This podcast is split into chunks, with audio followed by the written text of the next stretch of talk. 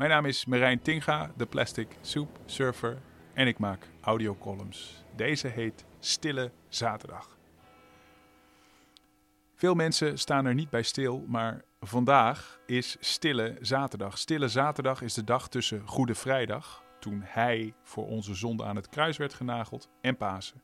Het feest waarbij we vieren dat hij weer is opgestaan. Tot zover Pasen voor Dummies. Elk jaar weer raadpleeg ik rond deze tijd Wikipedia.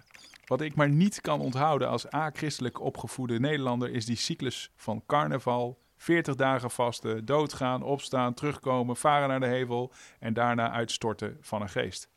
Aan deze samenvatting kunnen geen rechten worden ontleend overigens.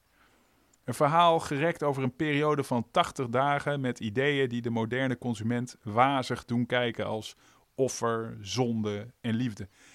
Elk jaar wordt bij mij thuis die verhaallijn gestenigd door ontbijten met schoonmoeders, vakantiehuisjes en opvang van de kinderen op die losse vrije dagen die ik telkens maar niet zie aankomen. Kerstmis, dat is tenminste duidelijk. Een vers geboren kinderke, iedereen tegelijk vrij en zoveel mogelijk kopen en vreten. Maar deze Pasen, die is anders. Sinds de massale ontkerkelijking is er geen pasiger Pasen denkbaar dan nu. Geen stillere, stille zaterdag. Niet op bezoek bij mijn schoonmoeder. Geen uitjes en de kinderen zitten toch al thuis. Deze paasperiode gaat de geschiedenisboeken in. Tijd te over dus om parallellen te trekken en metaforen te zien. En dat is ook juist de bedoeling achter Stille Zaterdag. Veertig dagen geleden hoste in Tilburg corona mee. Het feest van de overmaat. Daarna kwamen we met z'n allen in een verplichte vaste tijd. Volgens de kerk moeten we vandaag even stilstaan bij wat er mis is met de wereld voordat we morgen de lente mogen vieren. Wat is werkelijk waardevol in mijn leven?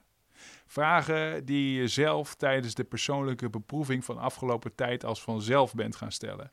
Naast die vraag hoeveel frustratie het zou schelen als iedereen dezelfde videocall-app zou gebruiken. Als je je overgeeft aan dit soort overpeinzen, dan bots je snel op de rotte kanten van een economisch systeem afgoderij die is gericht op oneindige groei van ons bruto nationaal product. Prinses Irene, de hoogpriesteres van de duurzaamheid, ging afgelopen week nog een stap verder en suggereerde dat de infectieziekte die nu rondwaart het gevolg is van die ongebreidelde economische groei. Hoe aantrekkelijk het ook is die parallel door te trekken, pandemieën zijn van alle tijden. Groepziekten zijn natuurkrachten. Vanaf het moment dat de mens aan de landbouw begon en zich vestigde, kregen groepziekten de kans om in ons te broeden. Vele soorten pest, pokken, cholera en griep, tsunamis ontwrichten de samenlevingen van weleer. Over de echte invloed van die ziekte lees je weinig in de geschiedenisboeken. Want geschiedenis wordt geschreven door de overwinnaars. En waarom zou je een gewonnen oorlog opdragen aan een pandemie die harder heeft huisgehouden bij de tegenstander dan bij jou? Pas 150 jaar geleden werd hygiëne en riolering onderkend als belangrijk in de bestrijding van ziekte. En alsnog gingen er een eeuw geleden nog maar, gedurende de Eerste Wereldoorlog, 50 tot 100 miljoen mensen dood aan de Spaanse griep die de wereld twee jaar lang in zijn greep hield. Geschiedenis wordt geschreven door de overwinnaars. Sta daar bij stil deze zaterdag. Dit was de Plastic Soup Surfer. Kijk ook eens op plasticsoupsurfer.org. Abonneer, reageer en like om onze missie te versterken. Ik dank je wel.